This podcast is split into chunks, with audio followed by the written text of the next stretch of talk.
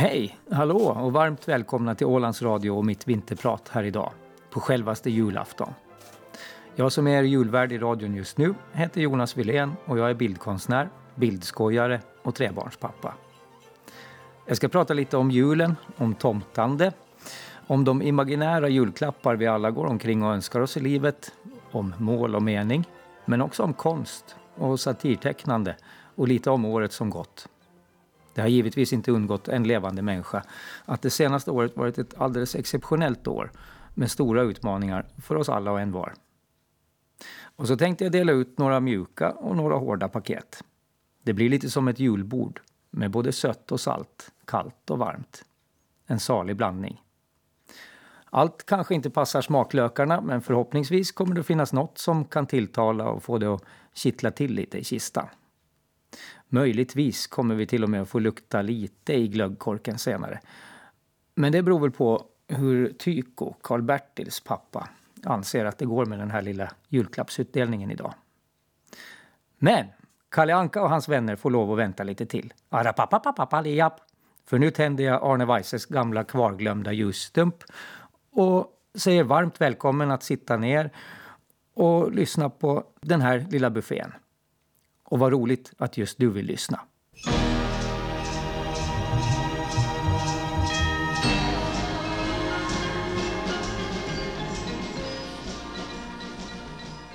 Nu så är alltså julafton äntligen här. Med buller och bång, med bjällerklang, julotta och änglaspel. Julskinka och senap. Benjamin Syrsas Stjärna i det blå. Morotslåda och tomtefar. Tomten ja, vi vet ju alla exakt hur han ser ut med sitt skägg och sin röda dräkt. Honom ska vi prata lite om nu. Den klassiska bilden av jultomten i röd klädedräkt med kritvitt fluff, brett bälte runt den väl tilltagna magen och fryntligt vinglöggsrosiga kinder. Han skapades i tiden av en herreman som hette Haddon Sundblom och han var minsann ålänning, bördig från Fögle. Om man ska vara noga så är hans släkt på fäderna från Fögle men det är inte så särskilt viktig information i sammanhanget. Håll i minnet att han var ålänning.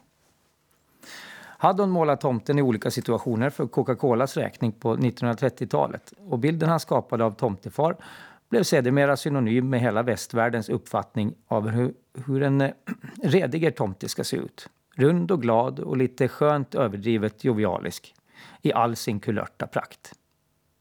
Möjligtvis är han begiven på läsk också och julmat, som synes. Må så vara. Det viktiga i kråksången är i alla fall att han är ålänning. För är det något vi ålänningar älskar så är det ålänningar och Åland. Som de eh, små separatister vi är, lite till mans.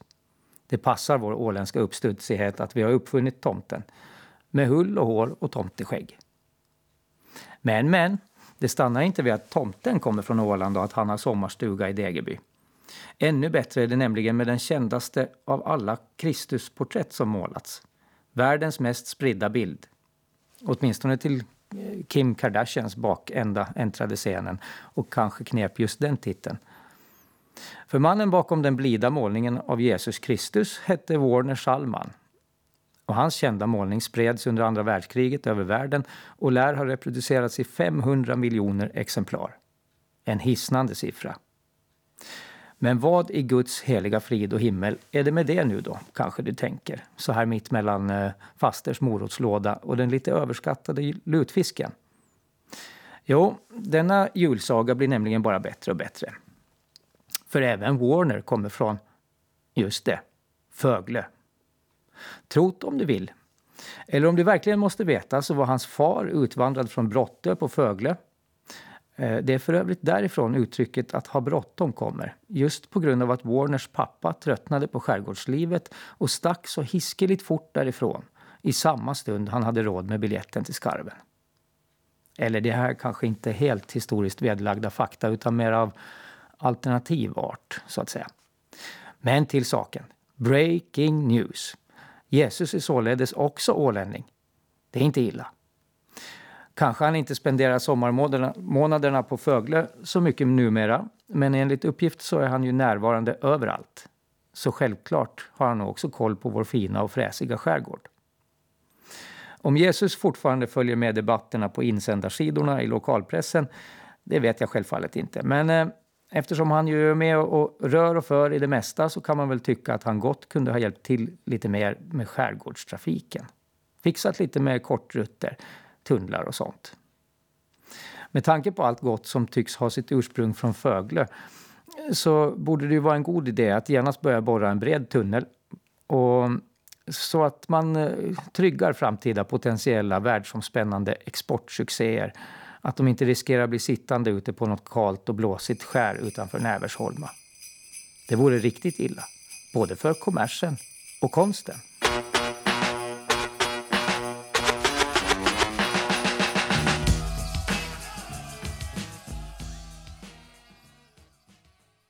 Konst ja, det är något jag sysslar med till vardags. När jag inte som nu pratar till dig här på Rolands Radio på julafton. Jag har jobbat på heltid som bildkonstnär sedan början av 90-talet. Jag ritar och målar. Jag gör både föreställande och mer abstrakta bilder. I lite den teknik som faller mig in. Helst jobbar jag olja, gärna på stora dukar. När jag får göra det så mår jag som allra bäst. Senaste sommar så hade jag förmånen att få ställa ut mina målningar på Ålands konstmuseum. Detta skedde tillsammans med den eh, kända svenska konstnären Ernst Billgren. Det här blev en viktig och ganska avgörande utställning för mig personligen och den har på flera sätt utgjort ett bildmässigt vägskäl för mig. Jag ska nu berätta lite om hur det gick till att det blev så. För flera år sedan blev jag tillfrågad om jag ville ställa ut på Ålands konstmuseum. Senast jag hade separatutställning där var 2005. Så det fanns ett starkt eh, uppdämt behov inom mig att få släppa loss i stort format på konstmuseets fina, generösa väggar. Redan från början diskuterades det om det skulle vara flera utställare med på tåget. Kanske en eller två till, förutom jag. Flera namn diskuterades och ett namn var länge aktuellt. Men då ringde Sunna, eller Susanne Prokopea Ilmonen som hon heter, plötsligt en dag och sa du Jonas, om vi skulle ta och fråga Ernst Billgren om han kanske skulle vara intresserad av att ställa ut med dig. Jag skrattade förmodligen högt och sa väl något i stil med ja, eh, absolut. Och så kan vi ringa påven och höra om han är kaffetörstig och vill komma över på en kopp. Men Sunna var allvarlig och jag tänkte så småningom, varför inte? Vi kan ju inte få mer än ett nej. Eller ett nej och skammens rodnad på kinderna då.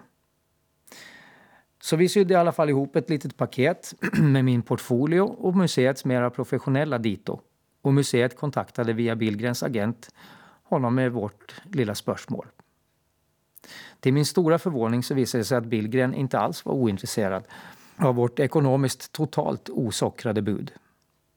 Vi avtalade så om ett möte med Ernst och hans fru Julia som verkar sköta ruljansen hemma hos Billgrens. Och jag och Sunna packade ner allt självförtroende vi hade i några väskor och drog iväg till Stockholm. För det här hände sig nämligen på den tiden när man fick fara till huvudstaden i väster utan passersedel och tomtens OK-stämpel i baken. Väl framme vid Slussen i Stockholm så ringde vi på hemma hos Ernst. Och jag måste säga att det var lite märkligt att höra den där kännspaka rösten säga Välkomna, stig in! Eller hur han nu pratar.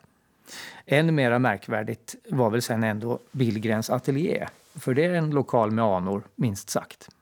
Nationalmålaren Anders Zorn hade nämligen begagnat den rymliga våningen som ateljé eh, någon gång på vikingatiden. Och inte mindre än eh, Evert Taube hade också bott där. Och där hade han knillat fram några av sina mest uppskattade visor om prostitution och utländska romanser på de argentinska slätterna. Möjligtvis hade både Elvis och Peter den store övernattat där också. Det vet jag inte så noga för jag hade väl i ärlighetens namn blivit en smula nervös medan Ernst vidlyftigt och inte utan en viss stolthet berättade om lägenhetens historia. Men där stod vi, i Billgrens ateljé och vi skulle fråga om han kunde tänka sig komma till Åland och bli sommarutställare på Ålands konstmuseum.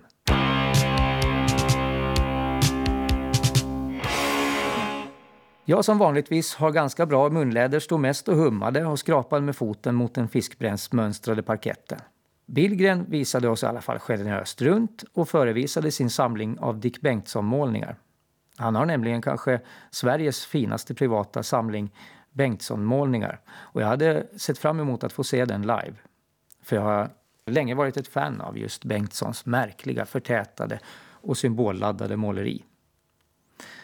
I hörnet i ett av rummen, där för övrigt Lennart Hylands gamla skrivbord tronade mitt på golvet, fanns en liten oansenlig akvarell som inte såg mycket ut för världen. Ända tills man på närmare håll kunde notera signaturen. Prydligt och tydligt skriven med blyerts längst ner i hörnet på bilden. Där stod A. Hitler. Ett fysiskt obehag drabbade mig och en rysning gick faktiskt längs ryggraden. Det var något i den enorma konflikten mellan det mycket alldagliga motivet som föreställde några hustak, fasader och en gata i varma men ljusa jordfärger och sen den där namnteckningen av en av världens mest ondskefulla personer. Det kändes också en smula typiskt att en eh, sån bild hemma, hängde hemma hos Billgren eftersom hela hans eh, konstnärskap har kantats av både provokation och ett undersökande av vad konst egentligen är och hur vi förhåller oss till vad vi ser i konst. Men mötet blev hur som haver därefter väldigt sympatiskt och trevligt. Det bjöds på kaffe och någon invecklad kaka som jag ogärna ville smula i den uppenbart exklusiva soffan. Men efter några minuters prat så sa Billgren till vår förvåning. Absolut, vi hittar på något.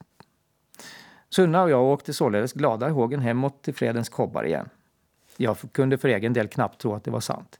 Skulle jag, med min hjulbenta gångstil och hemvävda kunskaper i konst, verkligen få dela utrymme med en av Sveriges största nu levande konstnärer?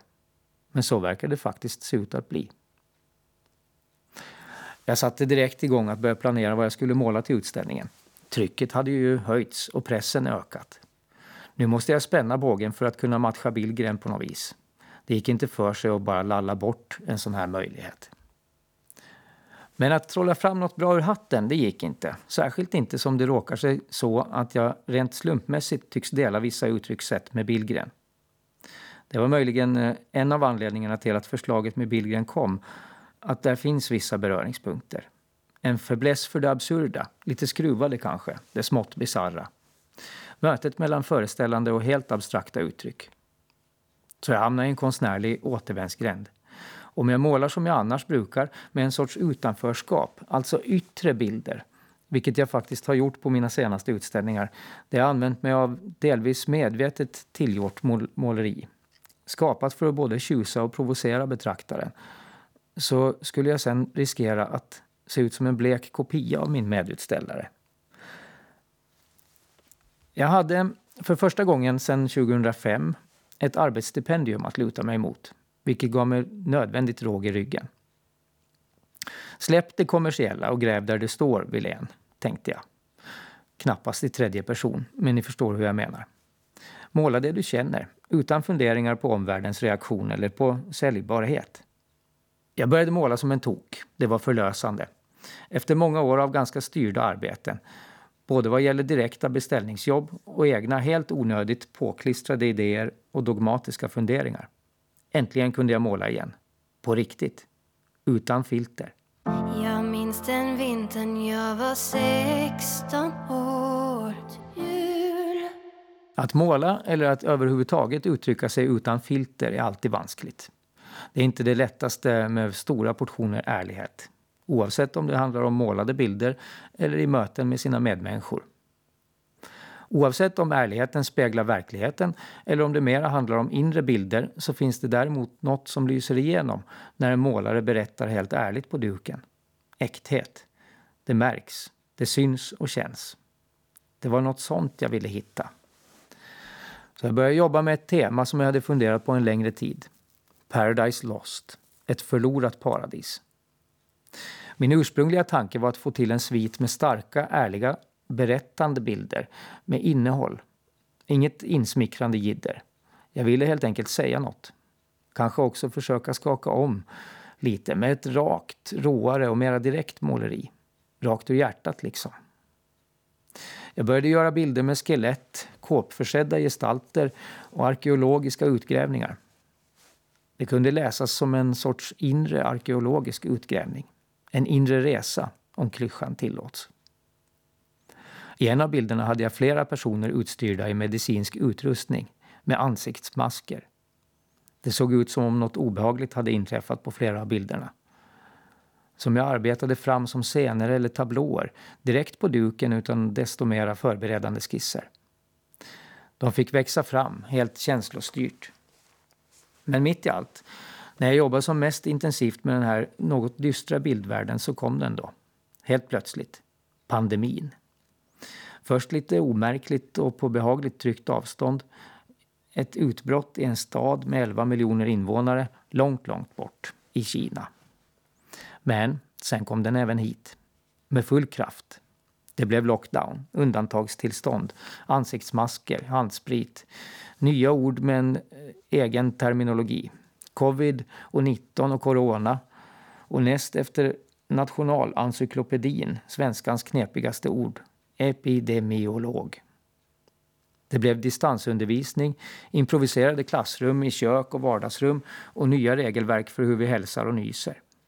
Med snabb inlärningskurva fick vi alla anpassa oss.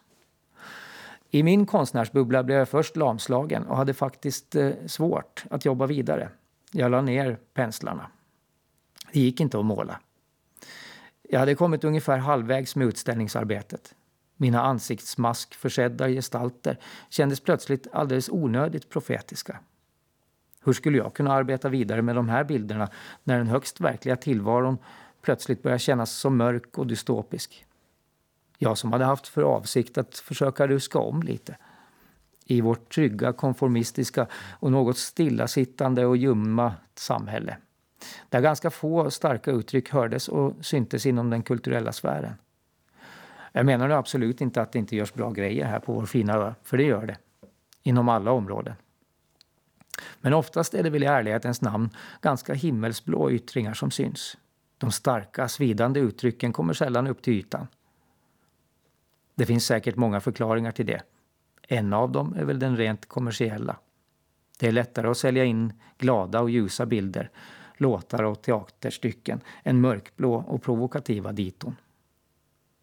Vem vill egentligen ha Munks skriet på väggen i sovrummet? Vakna till hans högljudda ångest liksom.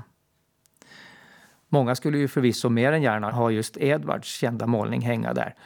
Lite för högt över lädersoffan bredvid den vita glasvitrinen i den öppna planlösningen där på Solberget. Men det är väl av helt andra orsaker. Oftast finns ju en monetär anledning till att vissa verk köps in.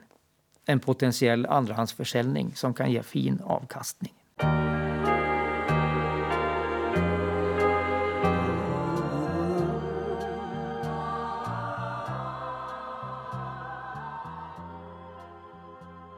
Ja, där hörde vi Mama Like the Roses med sommarålänningen Elvis Presley. Nåväl, det tog ett eh, antal veckor att omgruppera men sen började färgerna plötsligt leva på paletten igen. Jag började måla med en frenesi som jag aldrig upplevt tidigare under mina 30 år som målarkludd. På stora dukar med tjocka färglager. När det flyter på så är det väldigt roligt att vara målare. Och även om motiven kan vara innehållsmässigt svåra så infinner sig ett märkligt välbehag. Som att arbetet nästan sker av sig självt. Efter en arbetsdags slut kan man i det här välsignade tillståndet förvånas över vad man har åstadkommit.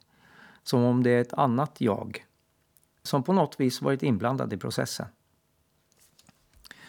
Nu var det förstås inte bara renodlad inspiration och skaparlust som drev mig i det här läget. Det var ju också helt enkelt så att jag var illa tvungen att prestera. Mitt mellannamn kunde annars lika gärna vara Jonas kniven på strupen Wilén. När det gäller, då jobbar jag med dubbel kapacitet och full dynamik. Tyvärr delar jag den egenskapen med många andra, även om jag tycker att det blivit bättre med åren. Att skjuta upp saker alltså. En god vän printade för ett tag sedan ut en skylt åt mig som han ansåg att jag gott kunde hänga upp på väggen ovanför ingången till ateljén nere i sjökvarteret. På den kunde man läsa texten Jag prokrastinerar medan ni väntar. En grafiskt fin liten skylt med svidande kritik mot min ringa person. Jag kommer nog sätta upp den. Kanske inte idag, men eh, imorgon. Vi får se. Nå, arbetet med utställningen kunde således inte förhalas. Och det gick faktiskt att hämta kraft ur det skrämmande, ogripbart mörka hot som drabbat hela samhället och i ett slag förändrat vår vardag i ganska hög grad. Jag funderar mycket över det här. Hur man tvingas stanna upp och reflektera över tillvaron. På något sätt försöka skärpa konturerna kring verkligheten.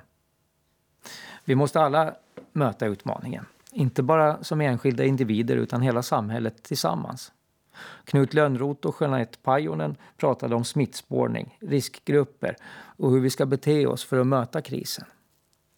Allting kändes konstigt och påtagligt i sin abstraktion. Som att död och sjukdom plötsligt tagit ett gigantiskt kliv in i vårt medvetande. Sånt vi aldrig vill tänka på. Sånt vi vanligtvis inte behöver tänka på. Medan jag jobbade vidare med mitt tema grubblade jag. Över liv och död, mening och syfte. Dessa grubblerier över vår förgänglighet gjorde att jag hittade ett nytt undertema i mitt redan inslagna Paradise Lost-tema. Nämligen maskrosor. Vi är som maskrosor, vi människor. Vi kan växa upp i Mariehamn eller i Mogadishu. På de mest ogästvänliga platser, under de mest tragiska förhållanden eller på en frodig grön gräsmatta med de bästa förutsättningar. I gräsmattan betraktas maskrosen som ett ogräs. Men om den spirar i asfalten är den en glad påminnelse om att växtkraften är stark i naturen. Så växer vi alltså upp som knoppar och lyser därefter kraftfullt som solar ett tag. För att sen transformeras till något annat, mera skört men lika fullt vackert. Och till sist sprids vi för vinden och försvinner bort. Jag målade några stora målningar med maskrosor, en triptyk som visade maskrosens olika faser. Som spirande, ung och grön, sen i full lysande kraft och slutligen som den där fjäderlätta vita puffen. En vindpust.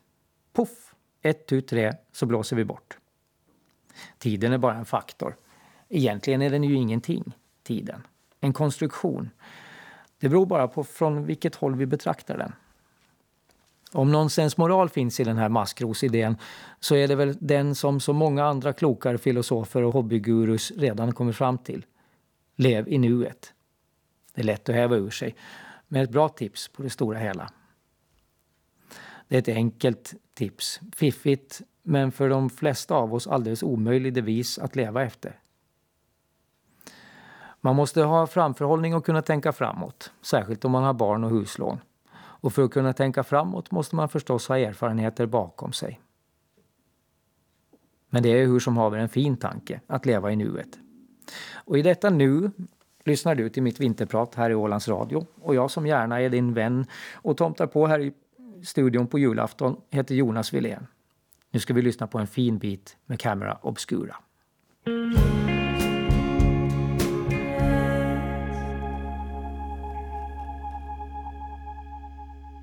Maskrosor och utgrävningar, skelett och inre bilder. Det blev en samling bilder som jag hoppades skulle hålla måttet. Eh, målningar med tjocka lager av Beckers oljefärg. Och de hann eh, i alla fall torka någorlunda tills det var dags för vernissage på Ålands konstmuseum. Jag var för övrigt väldigt road över det faktum att en av Billgrens målningar inte heller var helt torr när den skeppades över havet. Doften av fernissa var påtaglig i museets salar. Ernst kunde av förekommen anledning inte själv följa med sina atypiska verk. Och även om det var tråkigt att den eh, åländska publiken inte fick möta den svenska konstnären livslevande så fick eh, sommarens konstintresserade ändå ta del av bland annat fyra helt pinfärska nya målningar av honom. Han visade också äldre måleri, den tidigaste eh, från början av 80-talet. Ett par skulpturer och några av hans tjänstpaka rävar hade också raskat över ja inte isen då kanske, men över Ålands hav. Jag visade tolv stora oljor, ett tiotal teckningar och några skulpturer i form av påmålade jordglober. En idé jag för övrigt är sugen att jobba vidare med. För jag tyckte det fanns något lite spännande med dessa världsbilder, med sina tiltade horisonter, vilka antydde att hela världen är ur balans. Jag tyckte den psykologiska dissonansen var passande i rådande läge på vårt jordklot. Glädjande var också att det överhuvudtaget gick att genomföra utställningen. Ända in i det sista var det faktiskt oklart både om och när den skulle kunna öppna. Men till sist spikades det att utställningen skulle öppna i början av juli. Att hålla en klassisk vernissage med hundratals inbjudna var det förstås inte läge för. Vi fick tänka lite utanför boxen och kom på idén att hålla tre stycken mindre vernissager direkt efter varann. Så Billgrens förinspelade hälsning visades på en tv-skärm och tre fina öppningstal hölls av ordsnitsaren Mikael Hancock. Museet med Heidi och Pia och Sunna i spetsen planerade och skötte hela arrangemanget efter alla regelverk. Och jag vill också ta tillfället i akt att passa på att skicka ett stort tack med julhälsning till dem och övriga inblandade på museet. Ni gjorde ett fantastiskt jobb med hela utställningen. Tack för det. Om det normalt sett kan kännas lite omtumlande med vernissage så var det här alltså tre gånger upp. Särskilt eftersom jag jobbat extremt intensivt med dukarna som innehöll stora känslomässiga insatser för mig själv, vilket gjorde att jag kände stor lättnad och glädje när allt var klart. Utställningen, som hängde från juli till mitten av oktober, blev dessutom väldigt välbesökt, trots att knappt en svensk fot sattes på museets stengolv. Siffrorna blev istället mycket goda tack vare att både ålänningarna och många fastlänningar kom och såg utställningen. Ett julkort vill jag också skicka till er som har sett utställningen och sagt fina saker om den. Mycket glad var jag också åt att finska konsttidskriften Taide och dess chefredaktör Pessi Rautio uppmärksammade utställningen på ett helt uppslag och skrev uppskattande inte bara om Billgren utan också om mitt måleri. Jag hade fått ett sorts kvitto på att jag åtminstone inte gjort bort mig totalt. Det var roligt inte bara för mig personligen utan också för konstmuseet som aldrig tidigare blivit recenserade i Taide. Men frågan är ändå om inte Petter Lobratens fina recension i tidningen Åland berörde mig ännu mer. För han hade verkligen prickat helt rätt i sin tolkning över precis vad jag hade velat säga. Paradise Lost. En vardag som brister. Mitt i pandemin.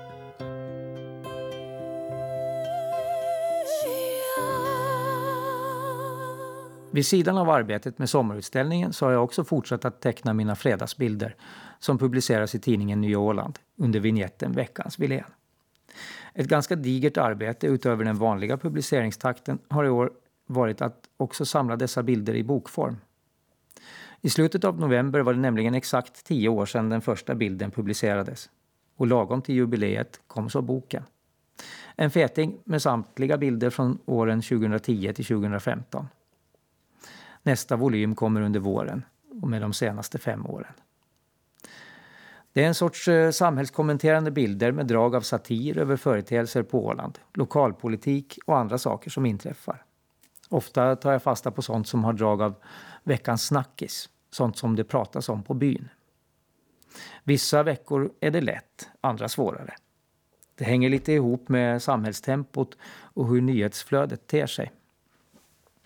Ibland är det en veritabel vårflod av tänkbara och otänkbara saker som har inträffat som forsar fram.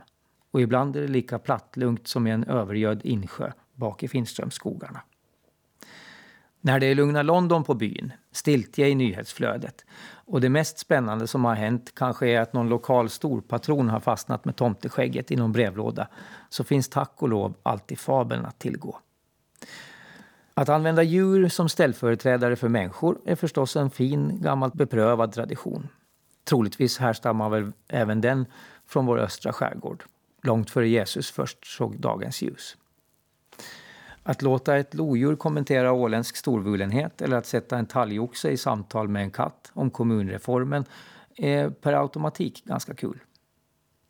Djur som pratar, som människor, i fablernas värld. Djuren har väl också människors känslor? Ja, det är väl just precis vad de har. Med det sagt, tänk vad vi haft mycket gratis underhållning i vår Herres vilda hage under de senaste åren. I samma takt som vi nekats resa till spännande orter med paraplydrinkar utomlands har vi vackert stannat hemma. Men istället har vi fått besök, några nya invånare. Först kom det nämligen en varg Sen var det nog tre vargar, 19 vargar kanske, och hända ett hundratal hybrider.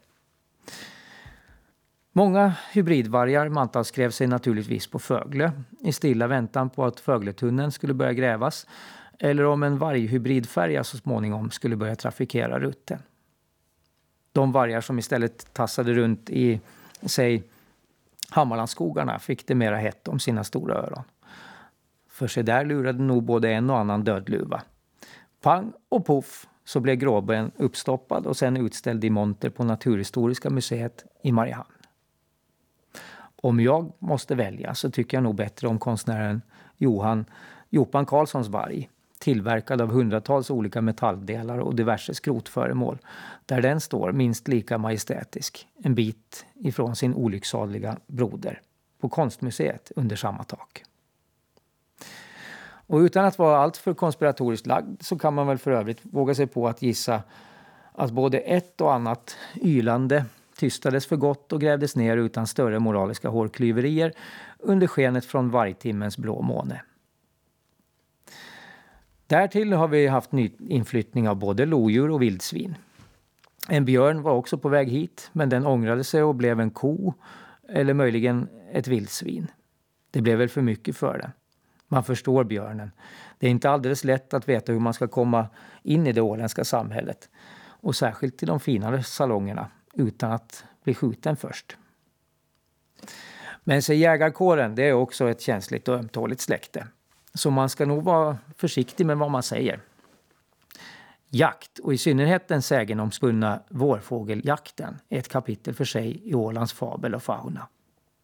Vårfågeljakten uppfanns av en neandertalare som hette Grog Mattsson hemma från Granboda.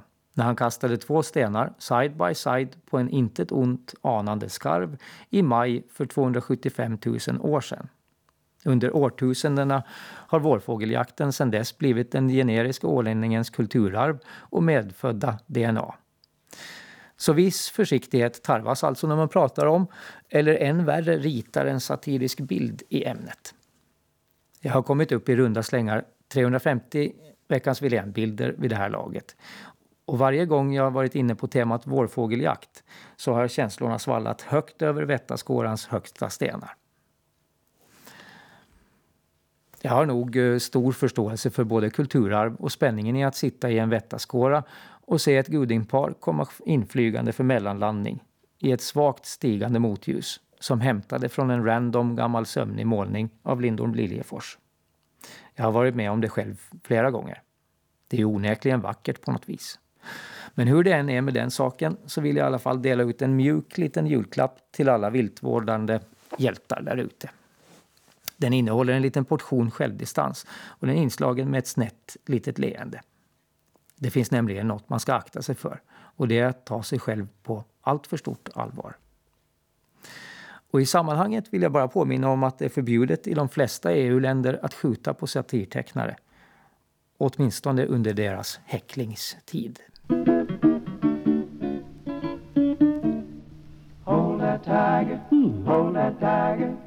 Att ta på näsan, ja. Detta roliga uttryck. Det härstammar faktiskt från, ja, ni gissade rätt, Föglö. Förriga gobben satt nämligen på Näverholmafjärden och pilka och drog upp strömming.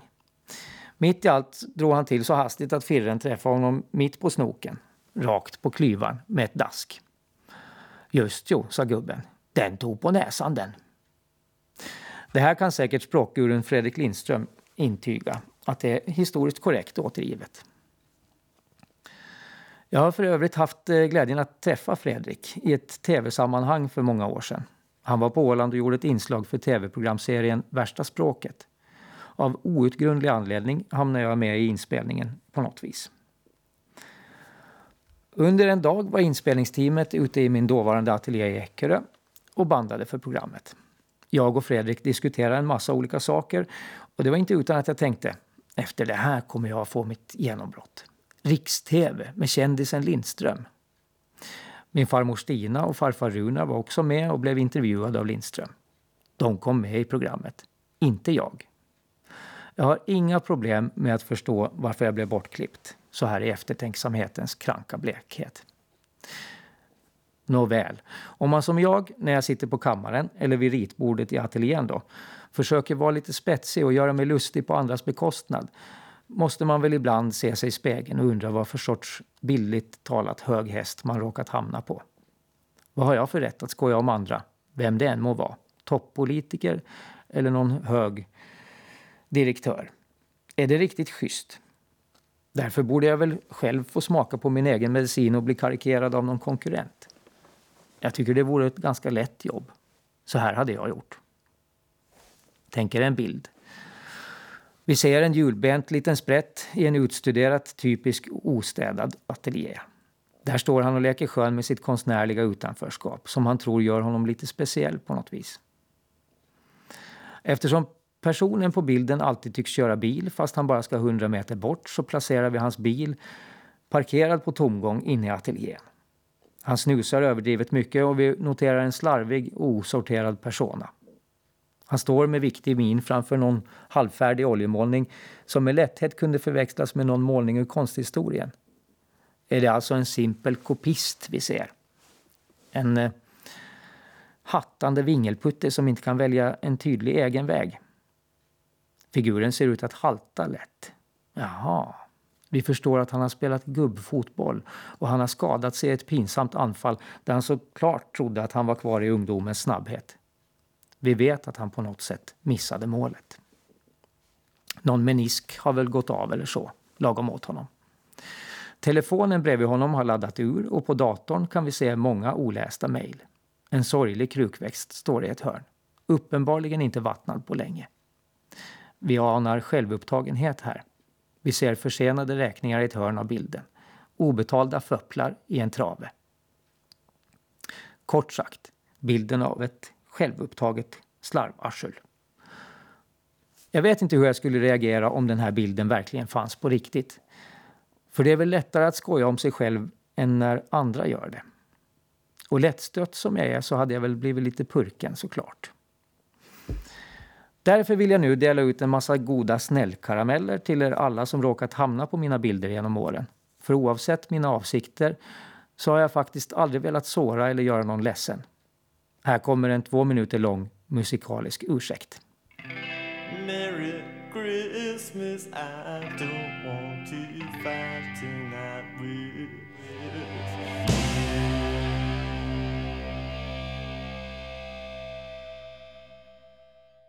Det vankas julafton. Julgröten puttrar på spisen med sin lite ledsna ensamvargsmandel och julskinkan ligger bara och väntar, segerviss under sitt täcke av folie. Röcka-Görans Stil FM, Hjälpen Senap, skakar av iver att få elda lite i gommarna för en ja, god sak. I kylskåpet är det så fullt att inte ens det lövtunna mintkexet som ändade den stackars Mr Creosotes liv i mästerverket Meningen med livet av Monty Python skulle rymmas. Bergmans fisk, Janssons frestelse och Björklunds Robinson-sill. Alla står de där, sida vid sida och ibland lite ovanpå varann. Julbocken stöddigt inkilad mellan en sorglig tetra yoghurt. Den vet ju om att just den här dagen kommer inte han få vara med i startelvan och en lika ledsen och bänkad förpackning med lördagskorv. Den brukar ju för sig alltid se lite ledsen ut. Men det är väl kanske så om man ständigt blir processad. Men idag är det andra bullar. Inga B-spelare är med i denna uppvisningsmatch. Redo står alla paradrätter att bara braka loss över julbordet. Det kommer bli magnifikt. När allt väl är upplagt på tallriken så måste alla blunda. För man äter med ögonen och det är hög risk att det blev för mycket att se på en gång. Knastret från gårdagens fadäs med julgransbollarna gör sig påmind under jultofflorna. Barnen är härligt stissiga och har redan överdoserat sedan flera dagar på knäck och trendande Rocky Roads. Allt är upplagt för en helt ljuvlig dag utan stress och kärlek under alla barr i hörnen. Men i vanlig ordning är det ett bekymmer med vem som ska få äran att tomta detta hedersuppdrag. Alla vill vara tomte. Tänk att få ikläda sig världens mest tacksamma kostymroll. I ett slag så förvandlas den mest försynte revisor till, till ett fullblodsproffs. En eh, teaterfigur som kunde ta plats i vilken Saltviksrevy som helst. Efter en liten toddy kan ju pappa landa en Guldbagge för sin roll. Ja, ni känner igen det. Alla har vi ju varit barn. Vi vet. Samhällskontraktet är påskrivet. Någon måste ju vara tomten.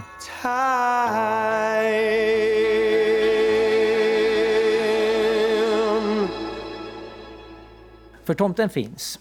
Det är faktiskt ett obestridligt faktum. Vi har alla sett honom. Rent filosofiskt råder det inget tvivel om att tomten finns. Möjligen är det lite som tankeexperimentet med Schrödingers katt. Det kan vara pappa som är tomten, men det finns lika stor möjlighet att det är faster. Osäkerhetsprincipen råder.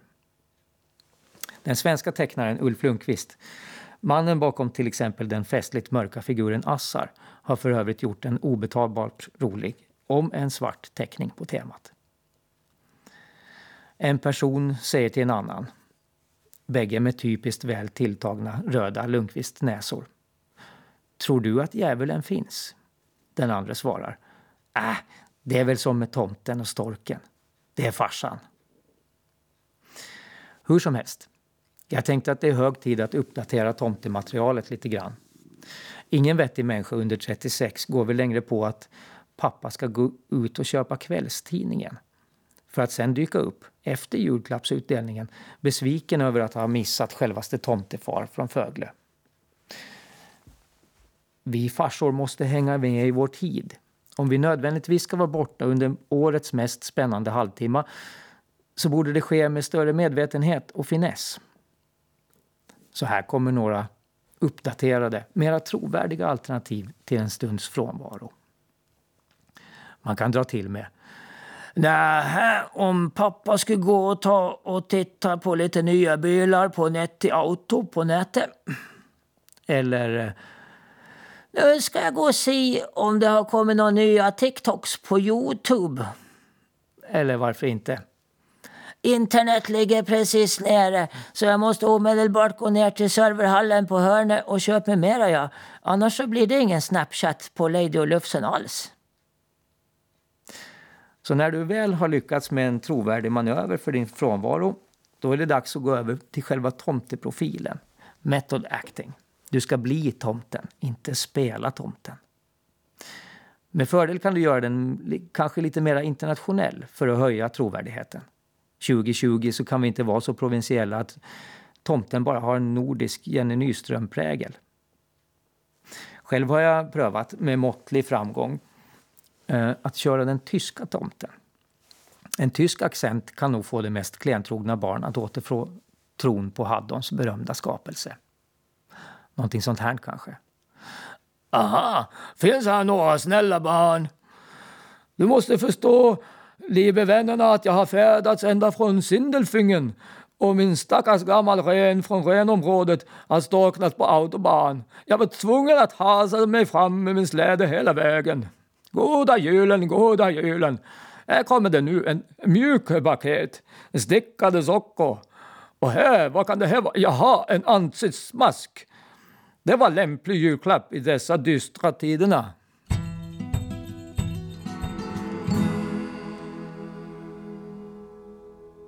Hur det än är med tomtens varande eller icke varande så börjar det bli dags för mig att både knyta ihop och öppna säcken, om det nu är möjligt. Jag vill bara ta ett tillfället i akt och dela ut en sista liten klapp. Jag avslöjar redan nu att det är ett mjukt paket. För den innehåller nämligen bara en önskan om en fridfull jul till er alla och en förhoppning om att alla barn ska få vakna glada imorgon efter en lyckad julafton med fina drömmar om bättre tider. Det är liksom det viktigaste. Jag tänker avsluta det här vinterpratet med att spela en riktig höjdare. Nämligen tenoren Jussi Björling. Vi kan nu givetvis med stor säkerhet gissa oss till att hans kända hyllning till havets vågor där hans järva jakt drev runt på vågornas skum skrevs en ovädersnatt på Kökarsfjärden utanför, ja, Fögle. Vi kan nog säga att Jussi är ålänning. Vi är alla ålänningar på jorden. Det beror bara på hur man ser det. Skämt åsido. Livet och konsten och allt däremellan. Det finns så mycket man inte förstår eller kan sätta i ett sammanhang. Det mesta kanske ter sig svårt och obegripligt. Konst till exempel. Ofta har jag hört frasen Nej, jag förstår mig inte på konst. Jag tycker det är konstigt. För det finns inget som måste förstås med konst. Det är bara att uppleva. Man tittar, känner. Som man gör när man lyssnar på fågelsång. Eller så här. Jag förstår inte hur Jussi kan sjunga så som han gör. Jag förstår inte varför jag blir berörd av hans röst. Och när han strax efter fyra minuter in i sången jag snart ska spela går upp i någon sorts överjordisk tonartshöjning som jag inte vet det rätta ordet för, då förstår jag bara att det är himmelskt vackert och jag får en rysning av välbehag i kroppen. Jussi sjunger där och då på gränsen för vad som är möjligt och hans båge är spänd till det yttersta. Den där tonen han sätter öppnar en dörr till något man inte kan begripa, men som är ack så vackert. Så ska konst upplevas och så ska livet levas. I ögonblicket. Jag som har pratat heter Jonas Wilén och jag är väldigt glad åt att just du har lyssnat. Ha en riktigt god jul och ett gott coronafritt nytt år. Här kommer Jussi med mästerverket O helga natt.